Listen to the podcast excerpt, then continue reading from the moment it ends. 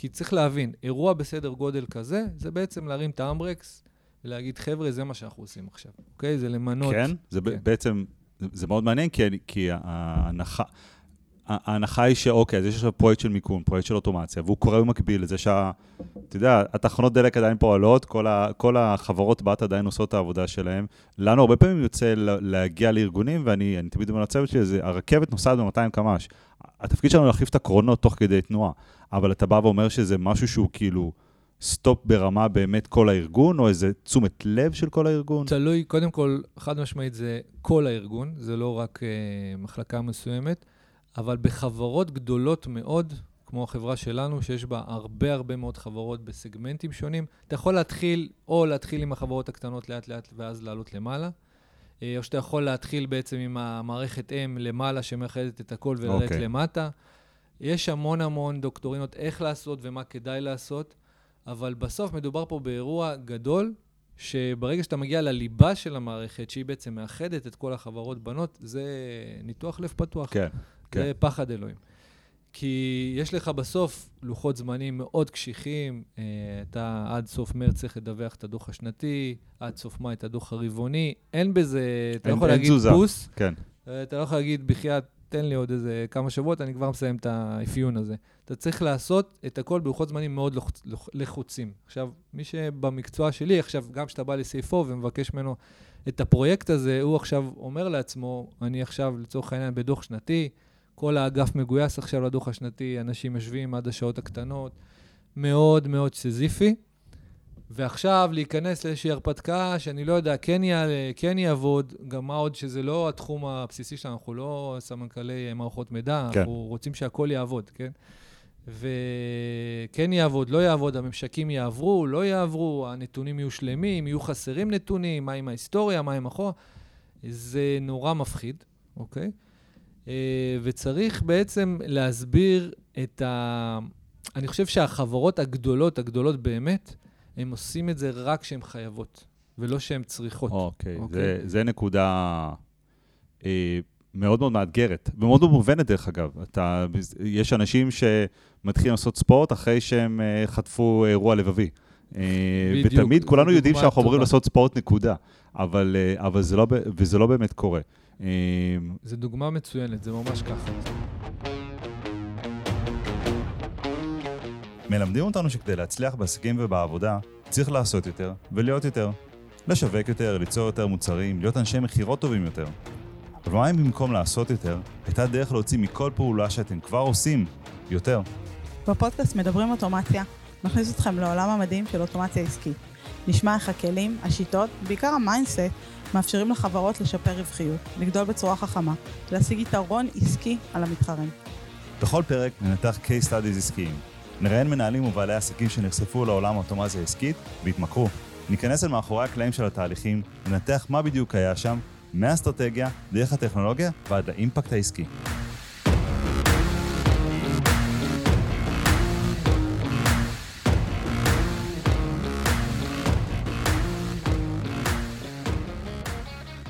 טוב, אז ענת בחופש, נסעה לה למדינות אה, שמשיות ומוארות, אה, ואין דרך טובה יותר מאשר לגרום לה להתגעגע אלינו ולעשות קצת קווץ' בלב, מאשר להזמין לאולפן אורח סופר מעניין, ונמצא איתי היום דוד סבן. היי דוד. אהלן, אהלן, תודה רבה שהערכת אותי. כיף שאתה פה, אתה ואני, אה, תכף, תכף נספר קצת עליך ומי אתה ו...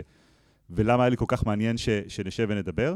אמ, אבל אתה ואני מכירים כבר אה, בערך שלוש שנים, משהו כזה, ואפילו התראיינת אצלנו לקורס בזמנו, וזה גם מופיע בבלוג, שהיית, עוד שהיית ה-CFO של איקאה, ל-case study שאני אני, אני, אני נורא אוהב אותו, אני נורא אוהב את ה...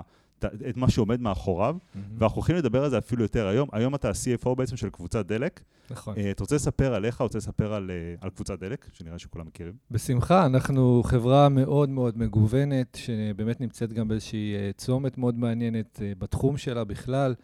אה, מכילה הכל מהכל, אם זה קמעונאות, חנויות נכות, אם זה מפעל קפה, אם זה גז, אם זה חברת הובלות, אם זה סיטונאות, אם זה המון המון דברים שונים ומגוונים, ומפה גם בא הרבה העניין.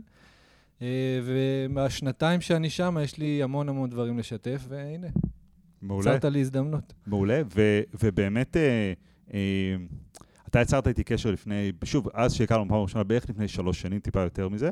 אה, ואני חייב לציין שבדרך כלל אנשים ש, שאני מדבר איתם על אוטומציה, הם לא בהכרח אנשי הכספים. אוקיי, אנחנו רגילים לדבר על אוטומציה עם אנשי השיווק ואנשי המכירות, וכל האנשים האחרים על השירות והתפעול וה-customer success וכל הדברים האלו. אה, והם האנשים שבדרך כלל צריכים לבוא לאנשים כמוך, ולהגיד להם, אנחנו רוצים לעשות, להטמיע CRM, לעשות תהליך אוטומציה כזה ואחר, תביא את הכסף.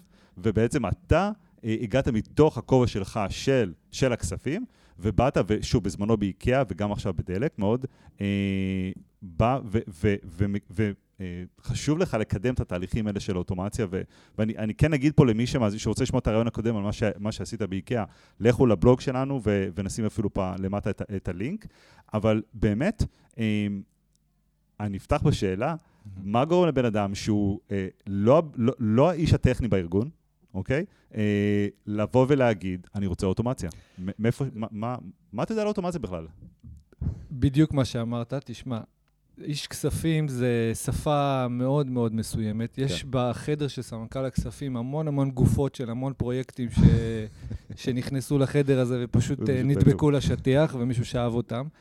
אה, וסמנכ"ל הכספים הוא באמת אה, יכול להצטער כמישהו שהוא אה, מעורר שאלות אולי קצת אחרות מאשר תהליכים והתייעלויות ודברים כאלה, אלא יותר בפן הכספי, כי אנחנו נורא נורא מכוונים לכמת כל דבר, כן. ולהבין משמעות של כל דבר, ולפעמים גם כאן ועכשיו, ולא איזשהו משהו ארטילאי שאתה יכול לספר לי עליו, אבל אני לא בדיוק אבין מה אתה רוצה.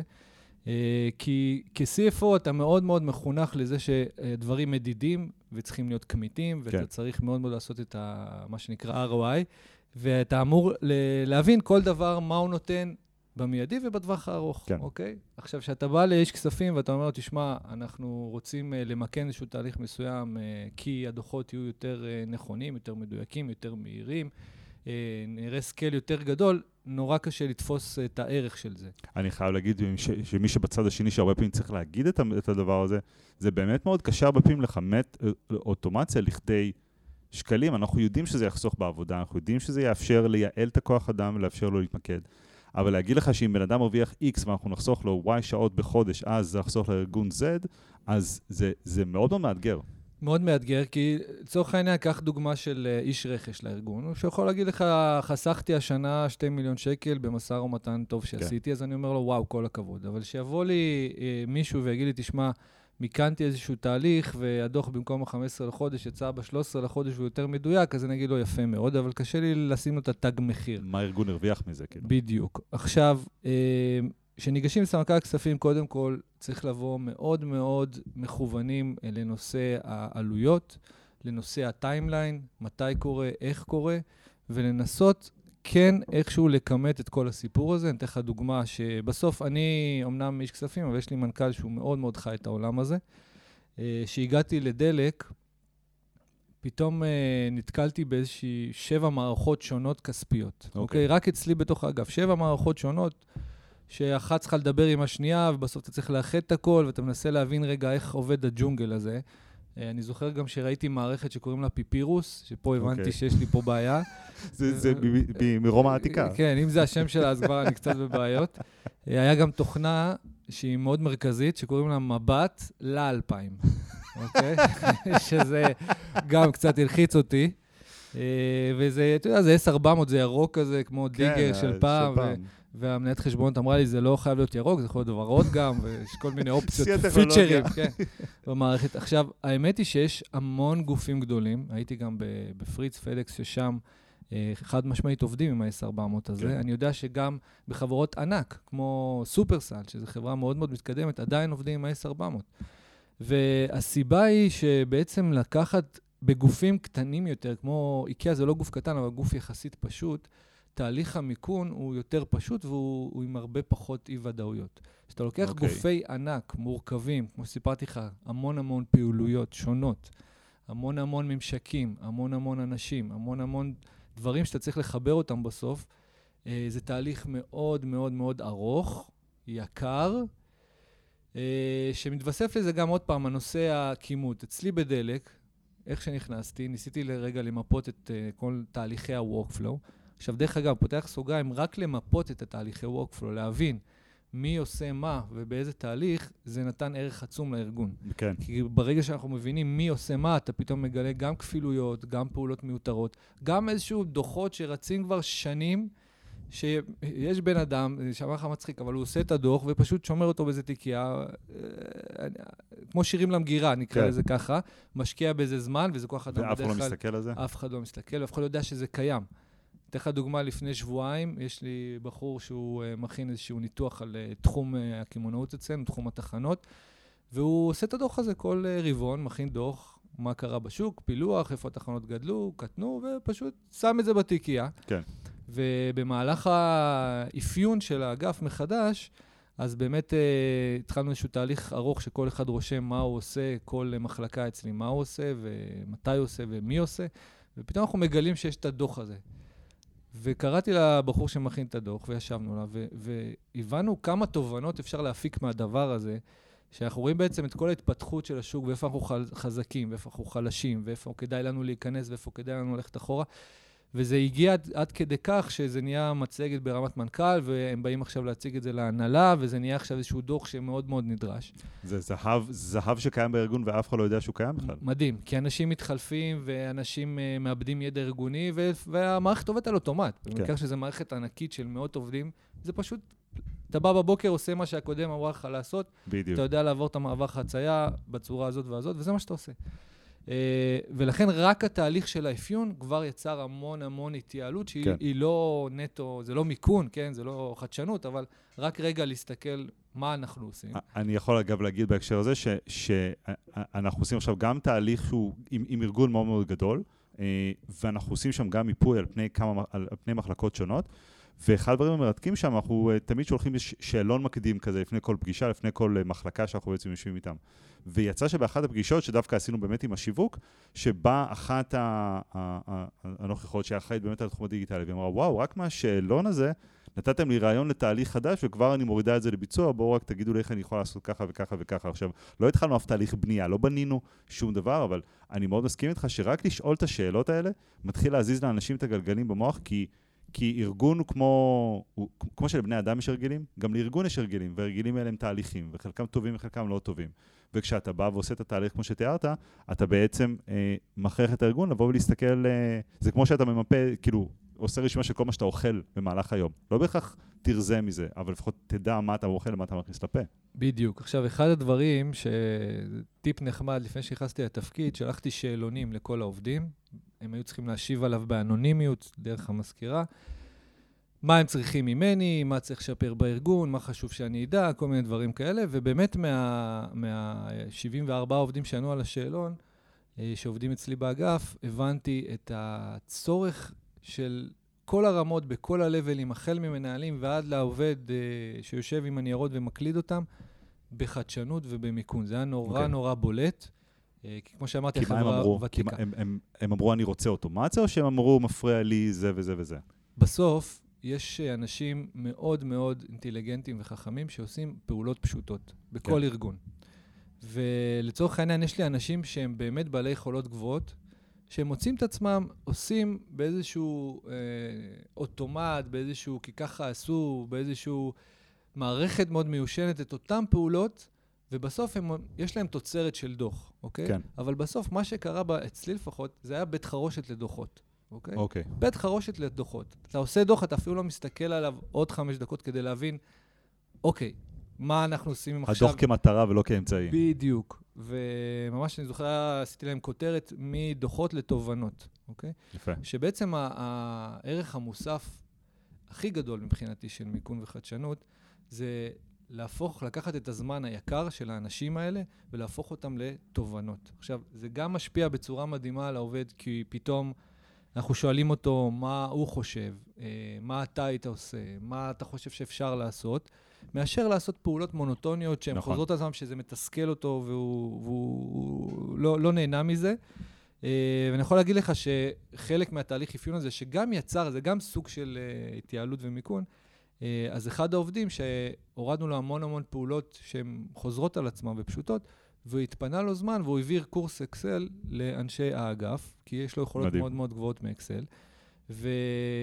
אני יכול להגיד לך שהמון המון עובדים שהיו באמת עושים פעולות, ואני רוצה לספר לך על דברים שעשינו, אה, פתאום עצרו רגע ואמרו, רגע, אז אולי כדאי ככה, אולי כדאי ככה, אולי כדאי ככה, וזה היה נפלא לראות כן. איך אתה בעצם לוקח עובדים ומוציא מהם יצירתיות שהם לא נתבקשו בכלל לייצר יצירתיות, אלא נתבקשו לעשות פעולות מונוטוניות שחוזרות על עצמן. אז אני, אה, זה, זה, זה כל כך נכון, כי הרבה פעמים הדימוי של אוטומציה יכול להיות אה, הדרך שלנו לקצץ בעובדים ולפטר אנשים, ו, והרבה פעמים המהות של אוטומציה זה לקחת את האנשים שהם אנשים טובים ולמקד אותם במה שהם טובים בו. ו, וכמו שאמרת, כאילו, מאוד אהבתי את זה מדוחות לתובנות, כי לייצר את הדוח זה לא בהכרח מה שהבן אדם הכי... ה, ה, ה, הדבר שאותו עובד שאתה משלם לו משכורת הכי טוב בו, אבל להסתכל על הדוח, להבין מזה תובנות עסקיות, לשנות מזה תהליכים העסקיים, זה כן. ונגעת קודם בנקודה, אמרת, אה, עברת בחטף על, על, על דברים אה, שיש בהם אולי יותר ודאות ויותר אי-ודאות מבחינתך כנגיד מי שצריך לאשר את הדברים מבחינת כספים, וזה מאוד מאוד מעניין להבין איך, בעצם, מה מייצר את רמות הסיכון, מה מייצר את האי-ודאות. למי שמסתכל על אוטומציה, אני לא אגיד מ-30 אלף רגל, כי זה לא שאתה מסתכל, אה, אבל נגיד מ-10 אלפים רגל, ומגובה יותר מאשר האנשים שהולכים כנראה להיות אלה שאולי מפעילים את המערכות בפועל ואת, ה, ו- ואת הכלים עצמם. בדיוק. אז תראה, אמרנו שיש חברות, ארגונים גדולים, נקבתי אפילו בשמות שעדיין עם מערכות מאוד מאוד מיושנות. העניין הוא מתחלק לכמה דברים. קודם כל, נושא ההוצאה הוא ברור, מקומט, כן. על השולחן, נושא הזמן. לצורך העניין, אצלנו זה פרויקט של כמעט 13 מיליון שקל בחמש שנים, וואו. שזה סדרי גודל כאלה, אוקיי? עכשיו, מיכון, אפשר להגביל את זה לאיזשהו, או ש... צורך בשינוי, לאיזשהו חור בשן, שאתה רואה אותו, והוא בינתיים לא מפריע לך, כן. כי הכל עובד וזה יוצא בזמן, ואתה מזניח אותו, בסדר? ולאט, לאט, לאט אתה בסוף נתקל, אנחנו מנסים לצאת להנפקה ציבורית, כן. ואתה מבין שאתה, בשביל לעמוד בסטנדרטים מסוימים, אתה חייב לעשות פעולות שחבל שלא עשו אותן לפני המון המון שנים, ועכשיו אתה צריך מהר מאוד לעשות אותן, כדי שתוכל לעמוד בדרישות וברגולציה ובדברים גם שאתה רוצה בעצם להרים את העסק אה, מדברים מעבר לשוטף. אה, ואז ברגע שההוצאה ידועה, נשאר עכשיו הערך המוסף. כן. אוקיי? והערך המוסף, כמו שציינתי, בסוף אתה... שבא כל בן אדם בעולם ומנהל חברה והוא נמדד כאן ועכשיו על תוצאות, אה, הרגולציה היום לוקחת את כל ההוצאות האלה של המיכון, והיא מפחיתה אותה, מי שלא מבין מה זה פחת, אני אסביר. יש הוצאות שהן נרשמות רגילות, ישירות בתוך העסק, ויש הוצאות שאתה רושם אותן כרכוש קבוע, קניתי שולחן, כן. אוקיי? אני לא רושם את ההוצאה באותה שנה, אלא אני מפחית אותה למשך 15 שנה. אוקיי. כי אני אומר, השולחן הזה יחזיק 15 שנה. אוקיי. אותו דבר למשאית, אותו דבר לכל ציוד שאתה קונה. במיכון, פה באה הרגולציה, מס הכנסה גם, ואומר לך, תשמע, כל מה שאתה משקיע במיכון, כן, שהוא חומרה, שהוא תוכנה, תפחית את זה בשלוש שנים בלבד. זאת אומרת, וואלה. אם אני אמרתי אותם 13 מיליון שקל, בעצם הייתי צריך לחטוף בכל שנה מעל 4 מיליון שקל נכון. בתוך הדוחות שלי, אוקיי? עכשיו, שזה, דרך אגב, זה, זה, זה, זה טוב יותר עבורך, כמי שמסתכל על מספרים, מאשר הוצאה חד אתה פעמית משלם פרטית, פחות או- מס, אבל בסוף, כשאתה חברה ציבורית, או שאתה חברה שנמדדת על השורה התחתונה, הרווח שלך בסוף קטן. אוקיי. אה, ואז אתה שואל את עצמך, אוקיי, האם עכשיו זה הזמן אה, לעשות את המהלך הזה שהוא מאוד מאוד, אה, עם עלויות מאוד כבדות, ובמקביל שהחברה צריכה להשתנות ולהתמזג ולקנות עוד חברות ועוד פעוליות, כי צריך להבין, אירוע בסדר גודל כזה, זה בעצם להרים את האמברקס ולהגיד, חבר'ה, זה מה שאנחנו עושים עכשיו, אוקיי? זה למנות. כן? זה כן. בעצם, זה- מאוד מעניין, כי, כי ההנחה... ההנחה היא שאוקיי, אז יש עכשיו פרויקט של מיקום, פרויקט של אוטומציה, והוא קורה במקביל לזה שה... אתה יודע, התחנות דלק עדיין פועלות, כל, ה, כל החברות בת עדיין עושות את העבודה שלהם. לנו הרבה פעמים יוצא להגיע לארגונים, ואני אני תמיד אומר לצוות שלי, זה, הרכבת נוסעת ב-200 קמ"ש. התפקיד שלנו להחליף את הקרונות תוך כדי תנועה, אבל אתה בא ואומר שזה משהו שהוא כאילו סטופ ברמה באמת כל הארגון, או איזה תשומת לב של כל הארגון? תלוי, קודם כל, חד משמעית זה כל הארגון, זה לא רק אה, מחלקה מסוימת, אבל בחברות גדולות מאוד, כמו החברה שלנו, שיש בה הרבה הרבה מאוד חברות בסגמנטים שונים, אתה יכול להתחיל, או להתחיל עם החברות הקטנות לאט-לאט ואז לעלות למעלה, אה, או שאתה יכול להתחיל בעצם עם המערכת אם למעלה שמאחדת את הכל ולרדת אוקיי. okay. למטה. יש המון המון דוקטורינות איך לעשות ומה כדאי לעשות, אבל בסוף מדובר פה באירוע גדול, שברגע שאתה מגיע לליבה של המערכת, שהיא בעצם מאחדת את כל החברות בנות, זה ניתוח לב פתוח. כן, זה כן. פחד אלוהים. כי יש לך בסוף לוחות זמנים מאוד קשיחים, אה, אתה עד סוף מרץ צריך לדווח את הדוח השנתי, עד סוף מאי את הדוח הרבעוני, אין בזה, אתה לא יכול להגיד תזוזה. פוס, כן. אה, אתה לא יכול להגיד, בחייאת, תן לי עוד איזה כמה שבועות, אני כבר מסיים את האפיון הזה. אתה צריך לעשות את הכל בלוחות זמנים מאוד לחוצ... לח- לחוצים. עכשיו, מי שבמקצוע שלי, עכשיו, גם כשאתה בא לסייפו ומבקש ממנו את הפרויקט הזה, הוא עכשיו אומר לעצמו, אני עכשיו, לצורך העניין, בדוח שנתי, כל האגף מגויס עכשיו לדוח השנתי, אנשים יושבים עד השעות הקטנות, מאוד מאוד סיזיפי. ועכשיו להיכנס לאיזושהי הרפתקה שאני לא יודע, כן יעלה, כן יעבוד, גם מה עוד שזה לא התחום הבסיסי שלנו, אנחנו לא סמנכ"לי מערכות מידע, כן. אנחנו רוצים שהכל יעבוד, כן?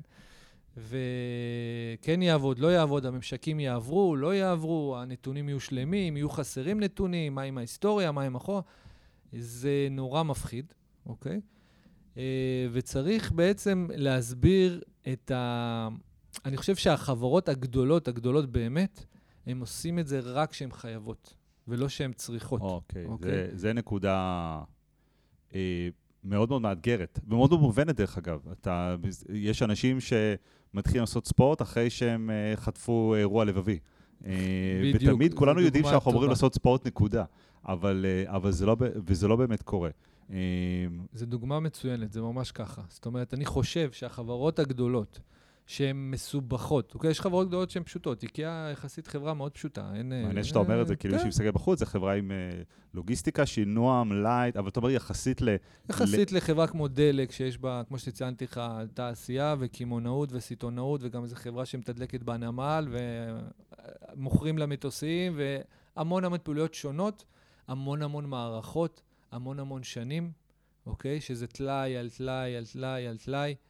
אה, אז לבוא ובעצם לאחד את הכל, גם זה לא נכון תמיד לאחד את הכל, אתה יודע, זה גם... אה, יש את הפתרון האידיאלי, זה שהכל במקום אחד, כן. כן. ומסודר וזה, זה לא תמיד במציאות עובד ככה. מתי זה לא נכון? אני יכול להגיד ברמה הטכנית לפעמים שיש, שאני, אם אני אקח מערכת אחת שעושה את הכל, אני מבין שאני אתפשר על הרבה דברים. ככה אתה גם רואה את זה, או שהראייה היא יותר, אה, אם יום אחד נמכור את החברה הזאת, אז שנוכל אה, לגזור את הדבר הזה החוצה ו, אה, ו, ושזה לא ישפיע על דברים אחרים? תראה, לקחת חברה קטנה, כמו לצורך העניין אה, ברגר קינג, שאנחנו מחזיקים, כן. ופתאום לשים עליה איזה סאפ כזה או אורקל כזה, זה להרוג את החברה. כן. כי בסוף זו חברה, היא צריכה להיות זריזה ותפעולית, ופחות אה, לבוא עם כל עכשיו המפלצת הזאת. ולעומת זאת, דלק, אם אני אקח אה, חברה שמתאימה לברגר קינג ואשים בדלק, זה לא יעבוד. כן.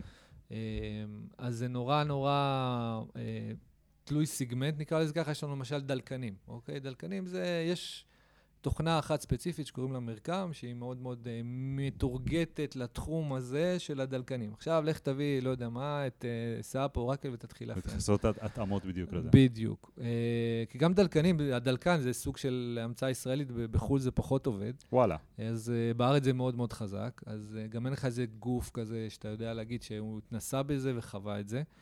Um, אז ככה שבאמת צריך למצוא איזשהו טיילור מייד כזה של מה נכון ומתי נכון וכמה נכון. במקרה שלנו, לאור ההבנה שכן צריך לעשות את זה וכמה שיותר מוקדם צריך לעשות את זה, כי אני לא רוצה שזה שיבוא אחריי יגיד למה הוא לא עשה. למה הוא לא עשה, כן. והתחיל לקלל אותי כמו...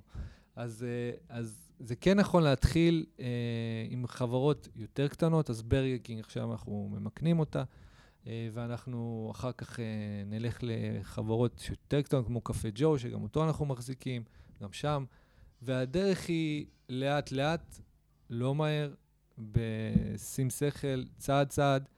מה שקרה אצלנו זה המערכת הגדולה, מערכת האם, אה, היא אמנם אורקל, אבל אורקל היו אצלנו, אמרו לנו, בבקשה, אל תקראו לזה אורקל. זה כל כך ישן שזה זה- כנראה כן. כבר האורקל האמיתי זה מדלפי. ד- דלק אורקל. אבל גם את זה אנחנו מטפלים. אמ, וכמובן, זה, זה... צריך פה איזושהי גם בורד וגם הנהלה וגם מנכ"ל שמסתכל קדימה ואומר לעצמו, אני מבין רגע את העלויות הנוכחיות, אבל אני מבין גם מה זה ייתן לחברה בשנים הבאות, ולשמחתי, יש לי גם את המנכ"ל הזה וגם את הבורד הזה שמבין את זה. מדהים. אה, רק פשוט הורדנו הילוך. זאת אומרת, במקום לעשות את זה תוך שנתיים, שלוש, פשוט אנחנו נמרח את זה קצת לתקופה יותר ארוכה. במקביל, אנחנו נשפר מאוד מאוד את הקיים, גם אם זה לא יחזיק איתנו לטווח ארוך, אבל אנחנו נשקיע בו ונמקן מה שאפשר. אה, ובטווח הארוך, אני מקווה שאני אתן ירושה יותר טובה ממה שקיבלתי. אז באמת, מה, מה ייחשב מבחינתך להשאיר אה, ירושה טובה יותר לזה שבא אחריך, שזה גם יכול להיות מענה לשאלה, מה היית שמח אתה לקבל כשנכנסת לתפקיד שלא קיבלת היום? מתוך הנחה שהעבודה אף פעם לא תסתיים. זאת אומרת, זה לא... גם תעשה את העבודה הכי טובה שיכולה להיות, שאתה תסיים את התפקיד, לבא אחריך עדיין יהיו דברים לעשות, וזה בסדר גמור. אבל מה לדוגמה ייחשב מבחינתך כ... כירושה טובה? קודם כל, אנחנו בשלב הראשוני. בשלב הראשוני, כמו שדיברנו על זה, זה אנחנו רואים מי עושה מה. אוקיי. Okay. אוקיי? Okay? וכמו שאמרתי לך, רק זה, זה אירוע של שנה.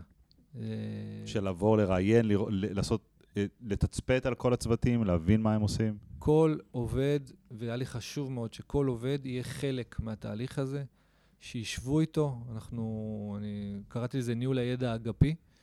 אה, בעצם כל מנהל מחלקה יושב עם העובדים שלו, רושמים על איזשהו אקסל מאוד מסודר מה הם עושים, מה הם הפעולות שצריך לעשות, מי אחראי לעשות, מה לוחות זמנים. בסוף אנחנו ניצור מזה גם נהלים, כן? אבל קודם כל למפות את המפה. ולשמחתי, אחרי שנה וחצי, כמעט שנתיים, אני יכול להגיד לך שיש, לפרוט לך אפילו, שיש המון המון תהליכים שבעצם, כמו שפתחתי ואמרתי, לקחנו תהליכים פשוטים, הפכנו אותם לעוד יותר פשוטים, לקחנו תהליכים מורכבים, ידניים, והפכנו אותם לתהליכים, חלקם אוטומטיים וחלקם, אה, אם זה על ידי רובוטים ואם זה על ידי OCRים כאלה, ש, שיודעים אה, לחסוך... לזהות אה, טקסט ו... כן. וההתייעלות בכוח אדם לא נובעת מזה, אלא פשוט התפנה זמן לאנשים טובים, שעכשיו מקדישים את הזמן הזה לתובנות. שזה הדבר הכי חשוב מהשלב הראשוני הזה. אחר כך, בשלב הבא, אנחנו בעצם נתחיל לטפל בתוכנה, אוקיי? כן. ואז אנחנו בעצם ניקח את המצב המצוי לרצוי, כי יש לנו, באותו זמן שישבנו עם עובדים והם פירטו מה הם עושים, ביקשנו מהם גם לרשום מה החלומות שלהם. בלי מגבלות, אין מגבלות עכשיו, הכל אפשרי. אני, אנחנו תמיד אומרים ל, ב, ב, במצבים כאלה, תתנתקו מהאיך, האיך לא רלוונטי, הכל אפשרי. מה עכשיו אתם רוצים שיהיה? בדיוק. אז אתם עושים גם כן תהליך ממש אז כזה. אז אמרנו להם חדי קרן בשמיים ודובן אכפת לי, מה הייתם רוצים שיהיה? הם פירטו מה הם רוצים. עם זה יצאנו באמת לאיזשהו אה, מכרז בין הספקים הגדולים, אה, ואנחנו נפגוש את המציאות. עם רשימת, ה, עם, עם אה, בעצם טרום אפיון, אלא, אלא רק החזון שלנו. פה, החז... לכאן החזון שלנו להגיע. כן, שמי שהכין את ה-I wish הזה, זה העובדים הכי, שממש עושים את האלף-בית בכל הרמות. זאת אומרת, מעולה. זה לא מנהלים עושים את זה, זה לא הסגנים של המנהלים הזה, זה השטח. בסוף, אתה יודע, עד שאתה לא... אני אתן לך דוגמה. אה, נסעתי יום אחד לאיזושהי תחנה, ואני נורא נורא, היה לי קשה, למה לא סוגרים חודש בתחנות? אתה... יש בסוף חנות נוחות שמוכרת מוצרי מזון. כן. נגמר החודש, ספרו את המלאי, תסגרו את המלאי כמו שצריך, שהמלאי יהיה סגור, ומה מכרנו, מה נכנס, מה יצא. וזה שיגע אותי, למה מנהלי תחנות מתעצלים ולא סוגרים את המלאי כמו שצריך. ואמרו לי, זה ארוך, זה קשה, טו-טו-טו. הלכתי יום אחד לאחד התחנות, ונכנסתי, ומנהלת התחנה מכניסה אותי למשרד שלה, והיא מראה לי סליפ כזה, אתה יודע, כמו המגילה של אה, פורים. כן. נפתח ככה, ענקי. לא יודע, איזה שתי מטר של איזה סליפ כזה של קופה, שלמעשה כל המוצרים שנכנסים, לצורך העניין זה היה מתנובה, צריך לשבת אותו מנהל תחנה, שלפעמים גם מביא לו איזשהו פקיד שיעשה את זה, אז זה עוד עלויות שאתה יושב עם הסמנכ"ל כספים, אתה יכול להגיד לו, אנחנו נחסוך את מס, כן, הפונקציה הזאת. משכורת. והוא פשוט רושם, נגיד מילקי, בסדר? אז קוד מילקי 4, 4, 3, 2, 1, 0, וואי, תקשיב, אה, איך זה יכול להיות? אנחנו לא חיים בעולם של ברקודים ו... 2023. וואו. אה, במבה 2, 2, 4, 3. עכשיו סיכול ספרות, התבלבל, כמות נכונה, לא נכונה. טירוף. ואז אתה מבין, אתה אומר, וואלה, גם אני לא הייתי אוסף ומקליד את זה ככה. ברור, זה סיוט. ויש פתרונות. יש פתרונות, יש מערכות. אמ, זה פשוט לוקח זמן. וצריך attention של מישהו שיבוא ויגיד, חבר'ה, כי האנשים, בסוף האנשים שבשטח, יכול להיות שהם מעלים את הצעקה שלהם, את הדרישות שלהם, אבל זה נעצר איפשהו. כן. או מנהל אזור, או מנהל מחוז, או לא יודע מה. ו... אם שומעים אותי עכשיו אה, סמנכ"לים או אנשים שהם בכירים, תדעו לכם שהרבה מאוד מהמידע זה כמו טלפון שבור ברובו, אבל אני מאמין שמתוך 100% מידע מגיע לכם אולי 50%. 50% נאבד בדרך. כן. ועד שלא יושבים עם הבן אדם שלוחץ על הכפתור, אתה לא באמת יודע את הצרכים שלו. אז ממש אתה ממליץ למנהלים, ושוב, או. או, או, או CFOים, או אנשים שבאמת יכולים להניע ולאשר דברים כאלה, לכו לשטח, תפגשו מה שקורה שם. אנחנו אגב, הרבה פעמים בפגישות עם לקוחות, אנחנו דורשים שהאנשים בשטח יהיו שם. זאת אומרת, הם לא יכולים להיות בסוף בקבלת ההחלטה בדיוק מה עושים ובאיזה תעדוף, ובטח לא, לא בהכרח בתקציבים, אבל הם חייבים לשמוע אותם, כי, כי אתה בונה משהו שהוא... אה, גם, גם אם אתה מאפיין טוב, וגם אם אתה בונה טוב, ואתה יודע, דברים כל כך יכולים לקרות, ש, שמה שאנחנו רוצים זה, זה, זה כמה שיותר להפחית את הסיכון. עכשיו, הדרך להפחית את הסיכון זה להיות בקשר עם האנשים שהולכים לעבוד עם זה בפועל, להראות להם את זה, לא כשזה גמור והתמונה, וה, וה, והבניין עומד והכל גמור, אלא כשיש יסודות. ופה יהיה ה vision קדימה, ולפעמים זה אפילו להקליט סרטון קצר, שהוא הכי, אה, בעולם התוכנה קוראים לזה mockup. אתה עושה mockup של מוצר, אתה, הוא לא באמת עושה שום דבר, אבל אתה מראה איך הוא יראה. שלח את זה לשטח, שיגיד לך, וואלה, טוב או לא טוב. גם, א', יש שם אנשים שמכירים את היומיום הרבה יותר טוב, וב', הם, הם, אה, הם, אה, בסוף כשהם יקבלו את זה, הם צריכים להרגיש שזה, שהם חלק, היו חלק מתהליך היצירה הזה. אז אתה ממש הלכת לשטח לראות מה אנשים עושים, כדי להבין מה הם הדברים, כדי לערב אותם, לא בואו למשרדים עכשיו בקומה ה-19 ותספרו לנו את זה, אלא בואו, אני, אני אלך לאיפה שאתם נמצאים ואני אראה מה אתם עושים. אני אומר, החלק החשוב, דיברנו על סמנכ"ל כספים ואיך הוא רואה את הדברים, זה לקחת אותו, את אותו, את אותו סמנכ"ל כספים, לעשות איתו איזושהי שעה בשטח, או להביא לו מישהי שעושה את הפעולות האלה, שיראה בעיניים את הקושי, אוקיי? שיראה בעיניים את ה... למה הדברים עובדים יותר לאט, למה יש צווארי בקבוק, למה גם עובדים, יכול להיות שהם בעצם אה, גם מתוסכלים באיזשהו מקום, ואין כמו מראה עיניים. ועד שאני לא ראיתי את אותו סליפ, יכלו להגיד לי מאה פעם, זה כן. לוקח זמן, זה וזה מתוסכל, זה וזה הרבה עבודה, אמרו לי את זה. אבל עד שלא ראיתי ואת הניירות, אוקיי, ואת המערכת, ואת הפיפירוס הזה, ואת הזה, לא באמת נפל לי האסימון. כן. אז חלק מאוד uh, חשוב בשכנוע זה לרדת למטה. מדהים. עכשיו, אה, אני, אני אספר לך רגע שלפני הרבה הרבה הרבה שנים, שעוד, שעוד התחום שעסקנו בו היה באוטומציה טכנולוגית, כלומר עבדנו בעיקר מול חברות טכנולוגיה.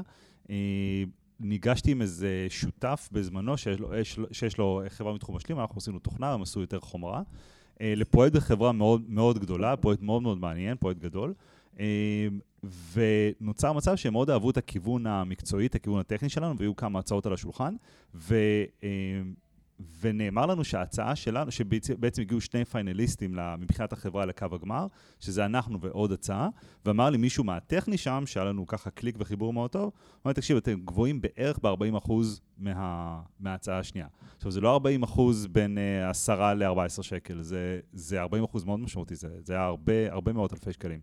ואני זוכר שבנקודה הזאת, ישבתי וכתבתי אה, משהו שקראנו לו אה, מסמך Business Justification, שבדיוק היה מיועד ל-CFOים, לאנשים שלא יהיו בשטח וילחצו על הכפתורים, שלא מעניין אותם אם התוכנה נוחה או לא נוחה או פה או שם, אבל לעשות אה, justification, לעשות צידוק לתהליך שאנחנו רוצים לעשות דרך העיניים של המספרים. אני רוצה להגיד לך שזה היה מסמך של ארבעה עמודים, שלקח לי, אני לא יודע, אני חושב איזה קרוב לשבוע לכתוב אותו, כי אתה מתחיל לחפש מתחת לאבנים ולהכל, איך אני הופך את האימפקט שעשינו, את הדברים שעשינו, בסופו של דבר לכסף.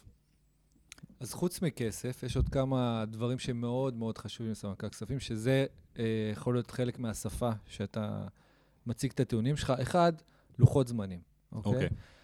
Uh, בסוף יש uh, אמנם את הדוחות הסגורים והשנתיים, הכל בסדר, אבל יש גם דוחות ניהוליים אני יכול לספר לך שהגעתי לדלק, היה דוח חצי אפוי, אה, והעניין הוא שאתה, היו יושבים בעיקר על דוחות רבעוניים. עכשיו, כשאתה יושב על אוקיי. דוח רבעוני, שאתה מנתח את אה, ינואר עד מרץ, אתה רואה אותו רק בסוף מאי, וואה, זה כבר מים מתחת לנהר, אתה יודע, זה כבר, זה, זה, דברים השתנו וזזו והשוק השתנה, ואתה עכשיו מדבר איתי על ינואר. כן. אה, לכן, מאוד מאוד חשוב, ה-Quick and Dirty הזה, הדוח okay. אוקיי. ניהולי, שאתה ניסיתי תוך עשרה ימי עסקים, לא הצלחתי. 15 ימי עסקים, מהר מאוד כדי לקבל החלטות, אוקיי? אתה רואה את המגמה, אתה רואה מה קורה, אתה יודע להיות קצת יותר גמיש, יותר מהיר. לכן, אם אה, אחד מהתובנות או אחד מהיתרונות של המהלך יהיה כל הצווארי בקבוק, או להקדים את התוצרים, זה משהו שמאוד ידבר, אוקיי. סמנכ"ל כספים.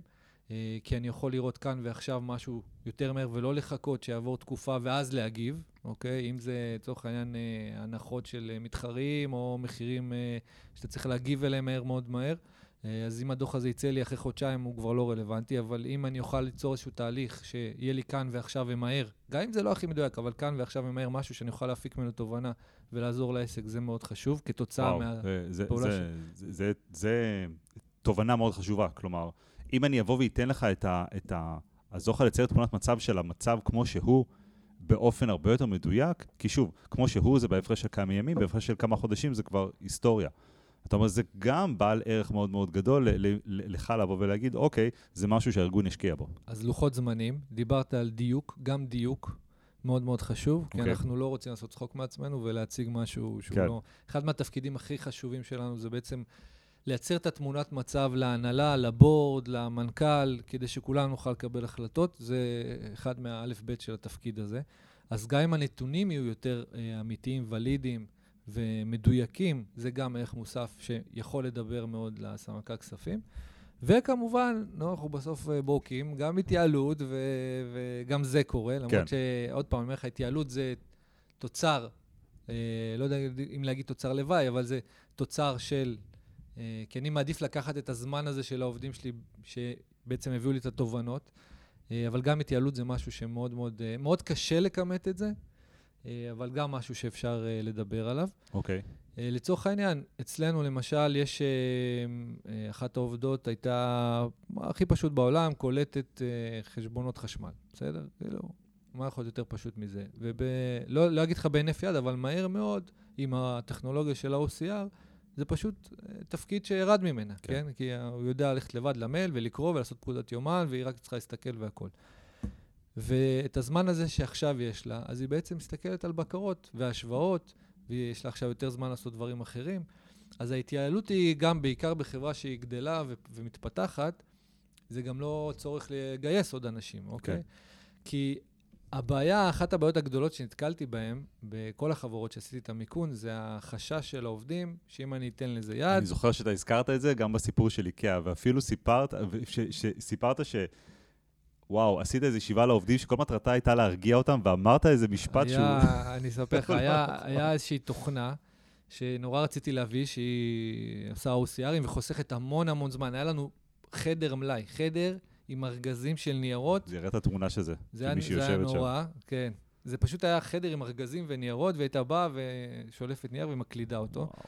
והבאתי, זה, זה היה לפני עשר שנים, אז זה היה טכנולוגיה יחסית פחות מתקדמת, אבל זה היה סוג של OCR כזה. וכינסתי את כולם וסיפרתי להם על התוכנה, ואז אה, היה שם קליפ של התוכנה, שאני לא הסתכלתי עליו לפני. וזו הייתה טעות שלא הסתכלתי עליו לפני. עכשיו אנחנו יושבים, תחשוב, כל הצוות אה, מנהלות חשבונות, ואני אומר להם, תראו איזה יופי. ראיתי את הקליפ, רק את ההתחלה שלו. ופתאום, באמצע הקליפ, אה, רואים אנימציה כזה של איזה מנהל חשבונות שיושב על כיסא ומקליט, מקליט, ופתאום באה איזה זרוע רובוטית ענקית, תופסת אותו מהראש, שולפת אותו, ואז המחשב עושה את זה. אז זה היה פשוט נורא, כאילו, הם, הם פשוט באו לעבודה. והסתכלו כל בוקר למעלה, אם בא איזה מישהו ותולש אותה מהראש.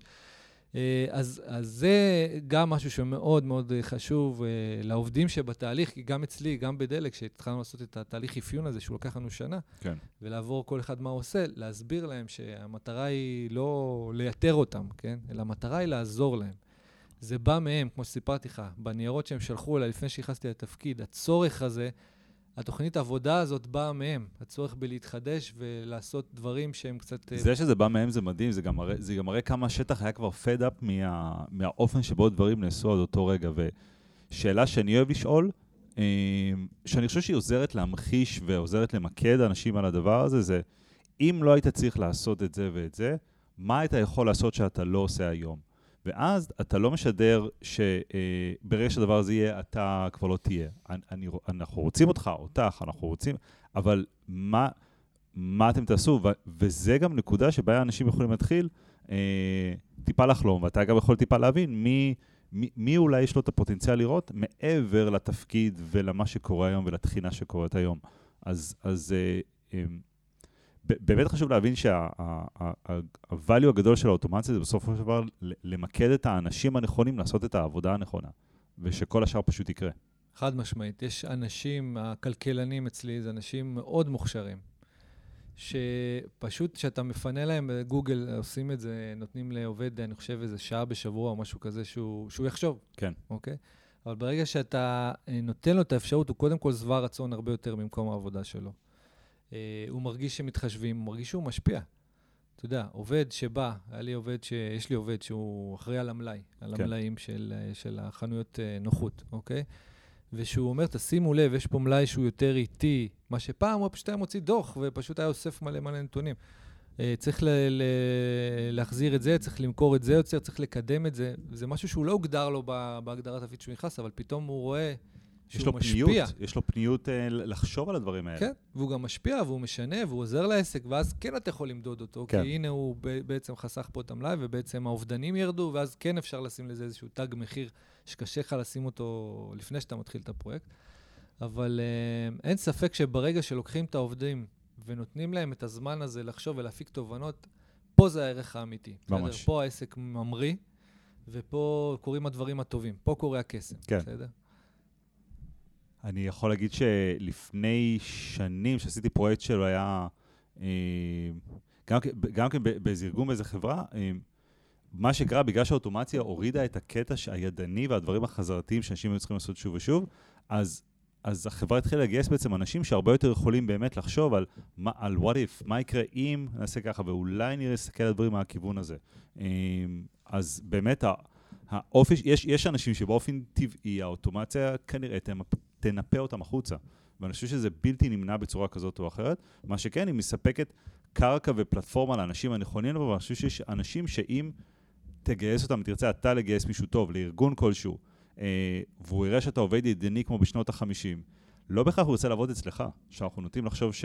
בטח אני, אני אה, לא יודע, אולי אתה מכיר את זה ממה שקרה עכשיו עם כל השוק של ה... עם כל, עם כל העובדים, עם כל האתגרים בגיוס עובדים שהיו ב, ב, ב, בכל העולם. אבל בסוף אתה הרבה יותר אטרקטיבי אם אתה בא ואומר לאנשים, אנחנו משקיעים ויוצרים עבורכם, זה לא חוכמה להשקיע רק בחוויית לקוח, גם צריך גם את החוויית עובד, ואנחנו משקיעים את מה שצריך בשביל להבין מה יעשה לכם את ה... אה, את, את העבודה טובה, את העבודה אה, אה, ממוקדת, ובאמת תבואו וכל יום תתמקדו כמה שיותר בדבר שאותו אתם רוצים לעשות. אתה צודק במיליון אחוז. בתהליך אה, שהוא, עוד פעם, הוא בחיתוליו. אה, הר... לא מעט אנשים באמת אה, התחלפו. אה, יותר אה, אנשים שבאמת, אני עכשיו, כשאתה אומר את זה, אני מסתכל אחורה, יותר באמת היו בקטע הטכני. שהתקשו להסתגל לשינויים. כי כן. פתאום, כן. אם אתה היית יושב פעם ברבעון על דוח, ופתאום יש לך דוח תוך, תוך 15 ימי עסקים, או, אדוני, זה לא העסקה, כן? כן. אני לא, זה לא החברה שאני מכיר, לא, לא בשביל זה באתי עכשיו. כן. כל 15 ימי עסקים לייצר משהו. אני רגיל, אה, תן לי את עם העוגייה והקפה. אבל uh, זה באמת שינה הרבה אנשים, זה הכניס דם חדש למערכת. ואני, אתה יודע, אני חושב שאחד הדברים שמאוד עזרו לי ב, בקריירה שלי, זה שבעצם, אני קורא לזה המשולש המהופך, אוקיי? Okay. אוקיי. מה זה המשולש המהופך? אנחנו נוטים לחשוב אגב, שיש... אגב, זה מרתק, אנחנו יושבים פה ואני רואה אותך מצייר משולש ומשולש הפוך, ואני אומר לעצמי, יואו, מעניין מה זה יהיה ב... במקום לכתוב, אני מזכיר לעצמי. זה מתחבר למגן דוד בסוף. אה, אנחנו נוטים לחשוב שבראש הפירמידה, אני אגיד לך, ארגון, מי יושב כן. הכי למעלה? המנכ"ל. המנכ"ל, יפה. או הבורד. יפה, הבורד, המנכ"ל. בוא נתחיל עם הבורד, ומתחת יש את המנכ"ל. כן. מה הוא צריך כאילו לעשות? ש... לרצות למעלה. יפה, שהבורד יהיה מבסוט והכל יעבוד וכל זה. אני כסמנכ"ל, מה אני צריך לדאוג? שהמנכ"ל יהיה הפי. נכון, שהכל, שהוא יהיה מבסוט.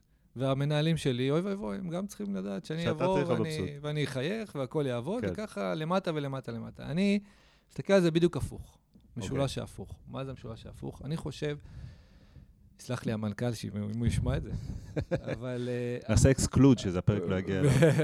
אי אפשר לעשות את זה.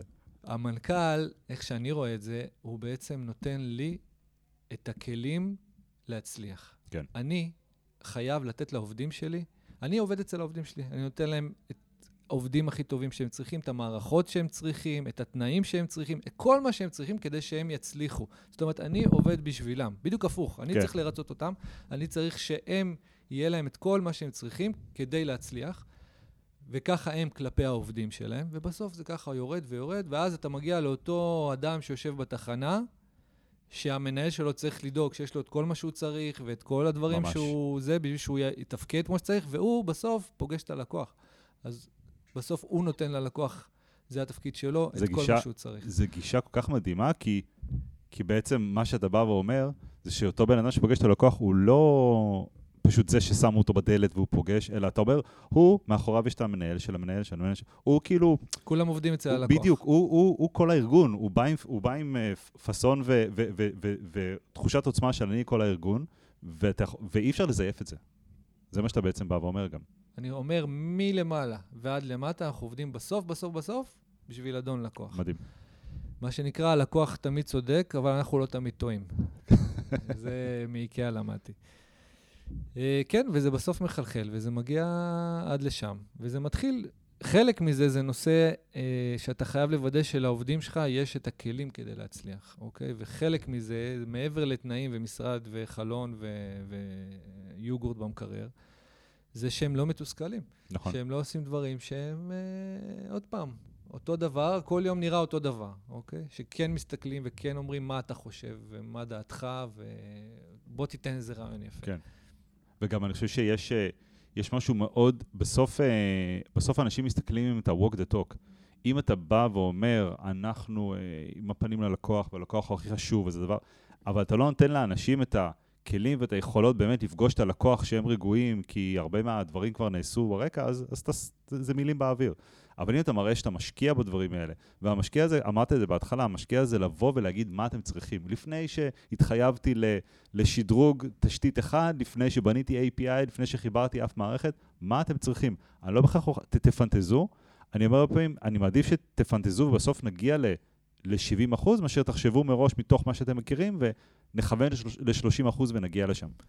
תראה, יש לי המון מהזמן שלי, כמו שאתה מבין, הוא, הוא די עמוס, אה, אבל אני עדיין פעם בשבוע אה, מזמין עובד שהוא לא דווקא באגף הכספים, בדרך כלל גם באגף הכספים, אה, ושומע אותו. היה לי את רפי הטכנאי לא מזמן. בסדר? ומשם אתה לומד כל כך הרבה על העסק, כי כמו שאמרתי לך, בעיקר בגופים מורכבים, נורא קשה להבין את הכל, ונורא כן. קשה לראות את התמונה המלאה. אני יכול לספר לך, באיקאה יש מה שנקרא queue buster, אוקיי? מה זה אוקיי. queue buster? queue buster זה, יש sale ים, יש תורים מאוד מאוד אה, ארוכים. כן. אה, אז יש איזשהו עובד שניגש אליך, שאתה עומד עדיין בתור לקופה, ובעצם סורק לך את העגלה במעמד ההמתנה שלך, והופך את כל העגלה למדבקה. אוקיי. ואז כשאתה מגיע לקופה, במקום עכשיו שהיא תעביר אה, אחד, כסף, שלום. בדיוק. מדהים. עכשיו, איך זה נולד?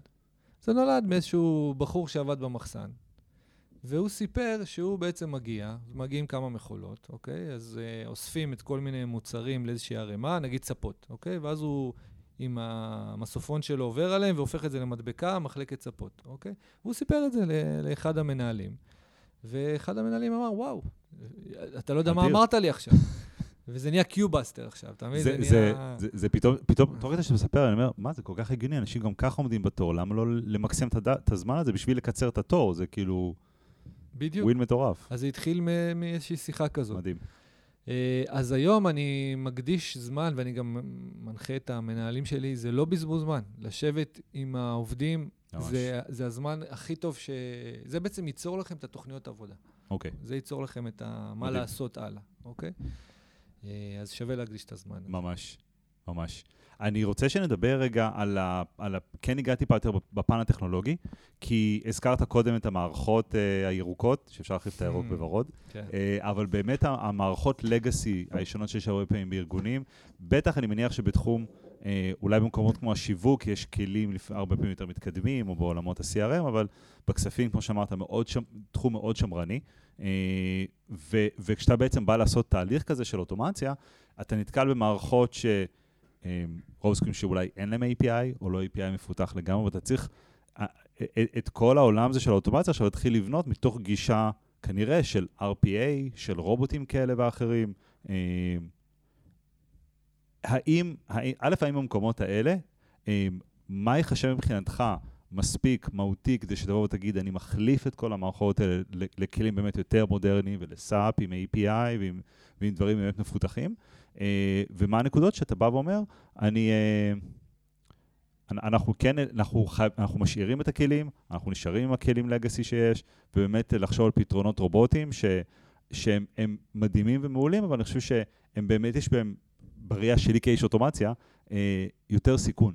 כי בסוף אני מסתמך על ממשק כלשהו ועל רובוט שלוחץ על כפתור כלשהו, ו, וזה לא ממש אינטגרציית API עמוקה כמו שאנחנו אוהבים, אה, ש-API משתנים לעיתים מאוד מאוד רחוקות במערכות תקינות. כן, כמו שאמרתי, אמ, אנחנו מתקרבים לנקודה הזאת. אנחנו, אני חושב שקודם כל ברגע ש...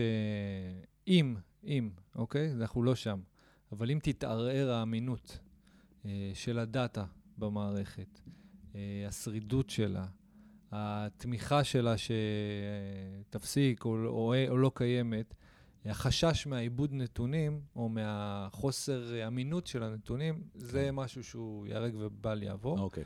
גם בתור בת, חברת בת של ציבורית, גם בתור חברה ציבורית ככל ונהיה. זה משהו שאתה לא יכול לחיות uh, איתו. כן. אוקיי? זאת אומרת, ב, זה משהו שהוא בלתי נסלח. Uh, לכן, האמינות זה מעל הכל. Uh, כמובן, גם השרידות של המערכת. Uh, לשמחתי אנחנו לא שם, אנחנו עדיין באיזושהי תוכנה שהיא יודעת uh, לייצר את התוצרים, אבל אנחנו לא יודעים לעשות, או ייקח לנו זמן לעשות רגע את הקפיצה לשלב הבא, שהוא לא nice to have, אבל הוא בעצם יאפשר לנו עוד יותר להתעמק בדאטה שקיים, אוקיי? אז נכון, יש לנו BI שיושב על המערכות האלה, שהוא מפיק לנו המון תובנות והמון נתונים. אבל הליבה של המערכת, כמו שאמרתי לך, זה משהו שאנחנו, אין לי ספק שאנחנו נצטרך לטפל בו. אוקיי. Okay. אוקיי? Okay? כרגע אנחנו נוסעים עם רכב שהוא עם מנוע שאנחנו צריכים uh, להחליף, אבל הוא נראה אחלה, כאילו, עשינו אחלה פחחות, החלפנו מראות, שמנו סמל של מרצדס גם, אבל זה סבבה לגמרי. Uh, אבל זה יגיע, אוקיי? Okay? ואני רוצה שזה יגיע גם במשמרת שלי, כי אני לא מתכוון להתחמק מה, מהאירוע הגדול הזה. אה, וזה אירוע גדול. כרגע אה, אנחנו מוכנים לצאת לדרך, אנחנו התחלנו ממש בקטנה, אה, אבל יש הבנה שזה התקציב, שזה הלוחות זמנים. אנחנו נחכה רגע שהמערכת תתייצב, כי קלטנו גם חברות, רכשנו חברות, ואנחנו נניע את התהליך הזה. אבל הוא תהליך שהוא, לא יודע אם לקרוא לזה כפוי טובה כזה, כי אתה בעצם עושה משהו שהוא נורא נורא גדול, נורא נורא משמעותי, ולא באמת, אה, אני חושב שמישהו מעריך או מסתכל אחורה ואומר, וואו, היה פה איזשהו אירוע כן. גדול. אתה באמת צריך להאמין בזה, אתה באמת צריך להבין את החשיבות, וזה כמו עץ חרובים. אתה יודע מה זה עץ חרובים? לא. עץ חרובים, אתה, אני הייתי פעם בחור ישיבה, לא סיפרתי לך. אה, לא ידעתי. זה, זה פודקאסט אחר. ויש עניין עם רבי עקיבא שהיה במערה. אוקיי. ברח. כן, נכון. התחבא במערה. והוא שתל עץ חרובים. ואז אמרו לו, למה אתה שותל עץ חרובים? אתה לא תהנה מהפרי שלהם, כי הפרי של עץ חרובים לוקח לו עשרות שנים כדי שהוא יצא. כן. ואז הוא אמר, אני שותל את זה לדורות הבאים. אז להחליף כזה מערכת זה סוג של עץ חרובים, כי אתה עושה תהליך של שלוש, ארבע, חמש שנים, שאתה, יכול להיות שאתה תפרי מישהו אחר יאכל. בדיוק, ויש פה באמת עניין של גם אתה, ואמרת ש, שבאת למנכ"ל ובאת לבורד, והיית צריך לרתום אותם, והם היו צריכים להסכים, להסכים, להסכים לשים את הכסף עכשיו, בשביל לקטוף את הפירות עוד ארבע שנים. ועוד ארבע שנים, יש מצב שחלקם לא יהיו שם. נכון. ו- ו- ואני חושב שזה, אה, עצם זה שהם באו ואמרו, אה, ישפטו אותנו עכשיו על למה הרווח ירד ב-X מיליוני שקלים, אבל אנחנו יודעים לתת גב לדבר הזה והשתכנענו ונלך איתו קדימה. לא טריוויאלי. שהוא הוא, הוא לא טריוויאלי, הוא, הוא, מאוד, הוא מאוד משמח בהקשר הזה גם. כי אתה אומר, יש אנשים שמצליחים לראות מעבר לה, להיום, ואוטומציה זה באמת הרבה פעמים מעבר להיום, זה לדברים, ה, ה, ה, ה, ללכת קדימה. לא... בעיקר בגופים מאוד גדולים. בגלל זה, כמו שאמרתי לך, יש חברות ענק שעדיין משתמשות במערכות האלה, שדרך אגב, הן מאוד אמינות. כאילו, ה-S400 הוא מאוד אמין. כן. זה מערכת דוס, אתה יודע, כן. זה, זה נורא... זה, כמו ש... זה כמו שאתה מסתכל על פחית של קולה, אתה מסתכל על כל החומרים שם, והם שמים שם אה, מדבקה או איזה כיתוב, ללא חומרים משמרים. אתה אומר לעצמך, ברור, אין פה שום דבר לשמר, שום דבר פה לא טבעי. כן. אז אה, זה עובד. אתה זוכר את. המכשיר אה, מנגו שהיה פעם, שהיינו ילדים? נו, סגול. איך תפרוץ למנגו עכשיו? זה הכי בטוח בעולם, זה מחייג תמיד, זה גם ייפול עכשיו, לא יודע מה, לא נכון. יישבר לו המסך. הוא קשח. כן, הוא עובד. והעניין הזה שזה עובד, זה מאוד חשוב. כי עוד פעם, זה סוג של הרפתקה כזאת. לגמרי. אבל אם אתה חפץ חיים, ואתה, עוד פעם, אתה רוצה, אני עוד פעם, אני נורא מאמין שמעבר להתייעלות זה מעיף את הביזנס קדימה. התובנות הם, הם בעצם נכון. הדלק, תרתי משמע, הם בעצם הדלק שלך להתפתח ולגדול ולרוץ קדימה. וכן יש פה מקום, א', אני, אני קורא לזה הרבה פעמים תסמונת האבן בנעל, ואני לא המצאתי את זה, לקחתי את זה מלקוחות שלנו, שהם היו עושים uh, טיפולים, אנשים שעברו חוויות מאוד מאוד קשות, ואמרו שהיה נורא קשה להם, uh, הרבה פעמים, אחרי שהלקוחות עברו אצלם תהליך מדהים, הם לא היו uh, מפנים אליהם לק- לקוחות אחרים, וכשנשאלה השאלה למה, הם הבינו שכשאותו דבר הפריע לאותם אנשים בחיים, אז זה היה כמו אבן בנעל, שאתה לא יכול שלא להרגיש בכל צעד שאתה עושה. מרגע שהוצאת את האבן בנעל, מהנעל, אתה לא זוכר שהייתה לך. ו- ואנחנו רואים את זה הרבה פעמים שאנחנו עובדים, בטח בחברות שיש בהן צוותים שמתחלפים. אז, ה- אז היה כאב מאוד מאוד גדול, ובאנו ועשינו איזה שיפור. הדור הבא שמגיע, שהדור הבא זה לא, זה יכול להיות uh, שיתחלף כל הצוות uh, אחרי, לא יודע, כמה חודשים. הוא לא מכיר בכלל את מה שהיה, זאת אומרת, הוא לא מעריך את זה שהיום כשהם עושים ככה וככה, זה וזה קורה בצורה אוטומטית והם כבר לא צריכים לעשות שום דבר. ו- ומצד אחד זה בסדר גמור, ככה צריך להיות, אנחנו לא צריכים כל פעם להיות uh, תקועים בעבר. כן יש מקום לדעתי, אה, כן ליחצן קצת את הדברים ברמת הארגון ולשווק את השינוי הזה גם בתוך הארגון. זאת אומרת, אם אנחנו מאוד מאוד טובים בלהגיד חיצונית אה, החוצה ללקוחות, תראו איך השתכללנו, יש לנו עכשיו צ'קאוט אוטומטי, אני חושב שאנחנו צריכים לעשות גם עבודה פנימית בתוך, ה, בתוך הארגון, ולבוא ול, ו, ולא כל הזמן להזכיר מה היה, כמה היה חשוך ורע וקר ו, וגשום פעם, אבל כן לדבר על מה שהיה פעם ואיפה אנחנו היום.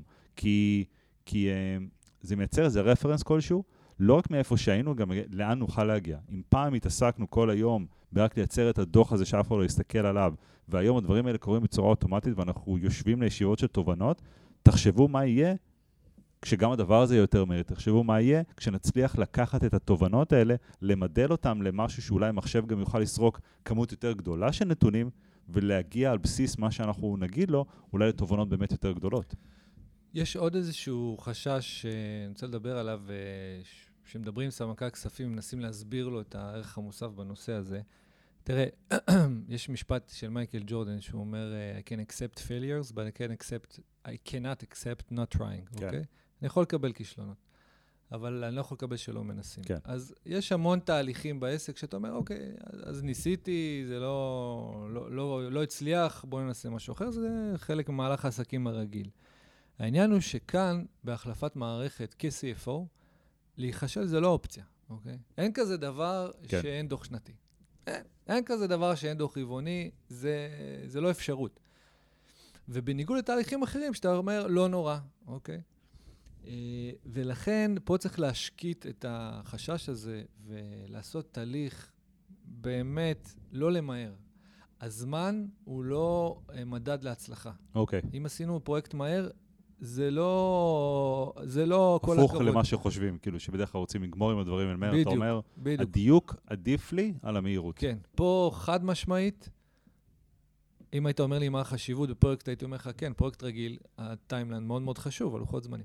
פה הייתי אומר, כמה שפחות אה, להסתכל על הזמן שזה לוקח, יותר על התהליכים.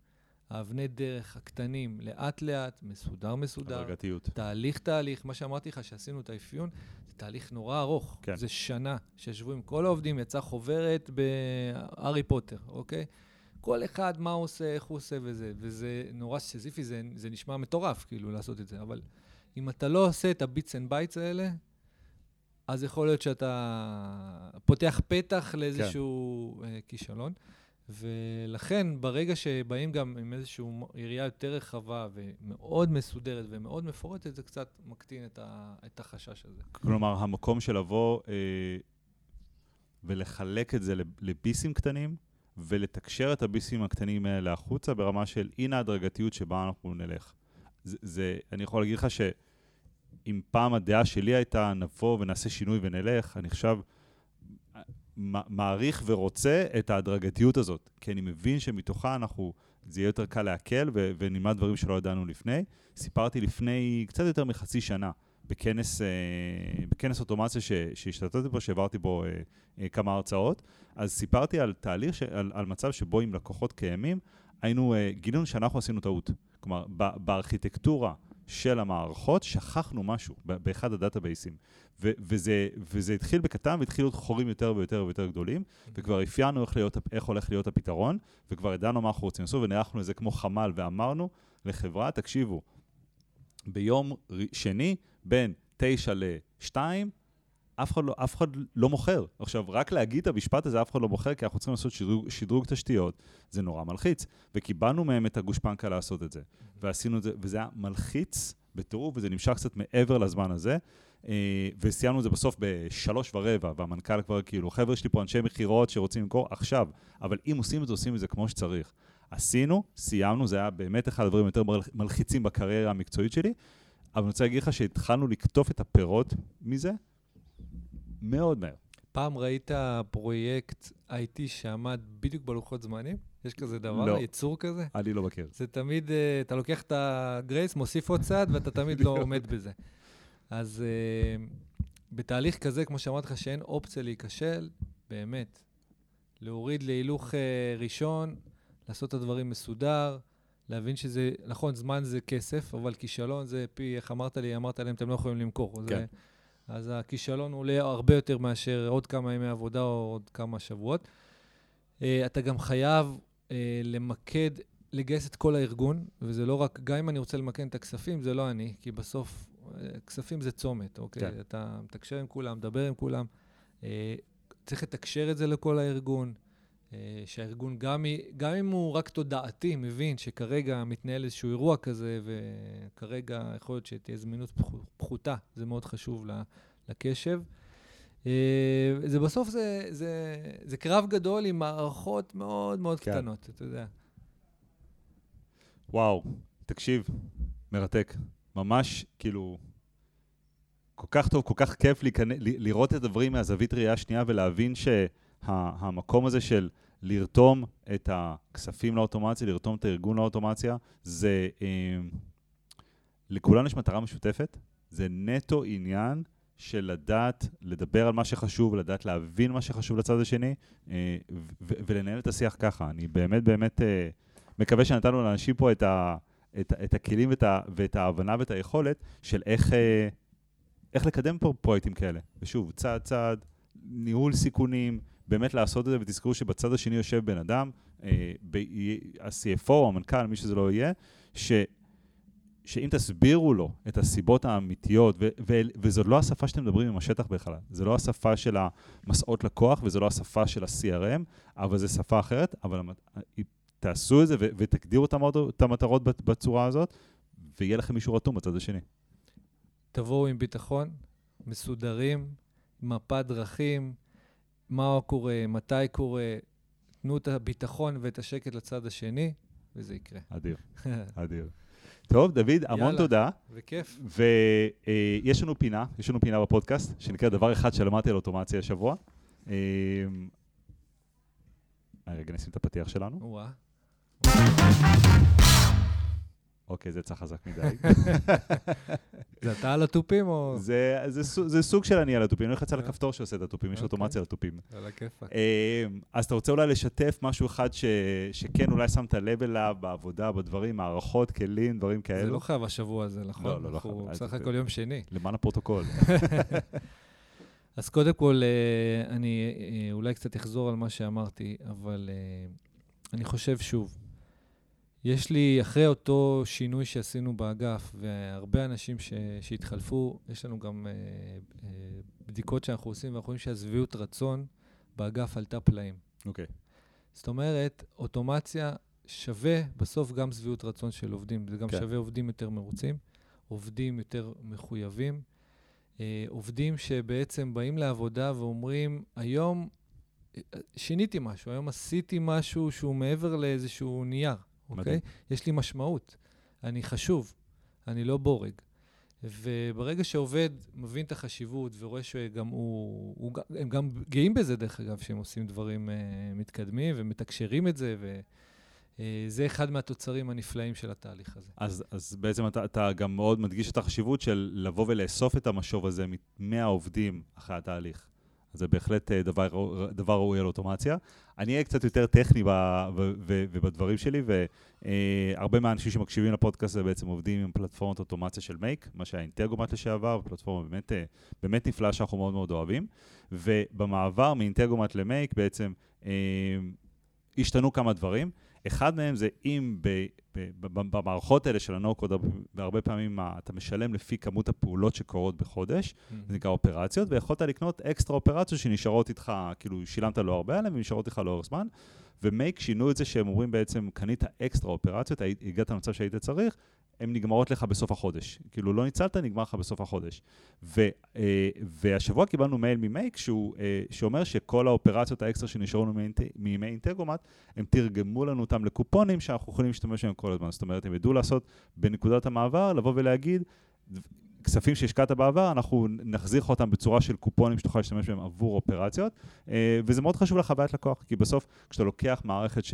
שהיא מערכת מעולה וגם לא מערכת יקרה, אה, אבל אתה כן מייקר אותה קצת, כי זה מה שהם עשו במהלך הזה, ומשנה את כללי המשחק, אה, זה טוב לאסוף את ה goodwill של, ה... של הלקוחות בצד השני, ואני ראיתי את המייל הזה ומאוד מאוד שמחתי. אמרתי, איזה יופי, שמעתי את הדבר הזה בצד, אמרתי לו, כל הצוות שלי, אם נחרוג יש לנו קופונים, תגידו לי, נשתמש בהם, נשים אותם באיזה pool משותף שתשתמשו, mm-hmm. וזה מגניב, ולא ידעתי שעושים את זה, וזה אהבתי אותו, כי אנחנו את המעבר הזה כבר סיימנו, אז אה, הנה, דבר שלמדתי על אוטומציה השבוע. נפלא, אוקיי. דוד סבן, המון המון תודה, ממש אהבתי את התובנות, ואני כבר מחכה לדבר הבא של גליד ביחד, אחרי ה... פעם שלישית זה יהיה גליד, אני מביא גלידה. בשמחה רבה. יופי, תודה לך. יופי, יש לך עכשיו גם סיום עם תופים או משהו אחר? לא יודע, בוא נראה, נראה לי שיש מחיאות כפיים. יפה. אוקיי, סטגדוש. ביי. ביי ביי.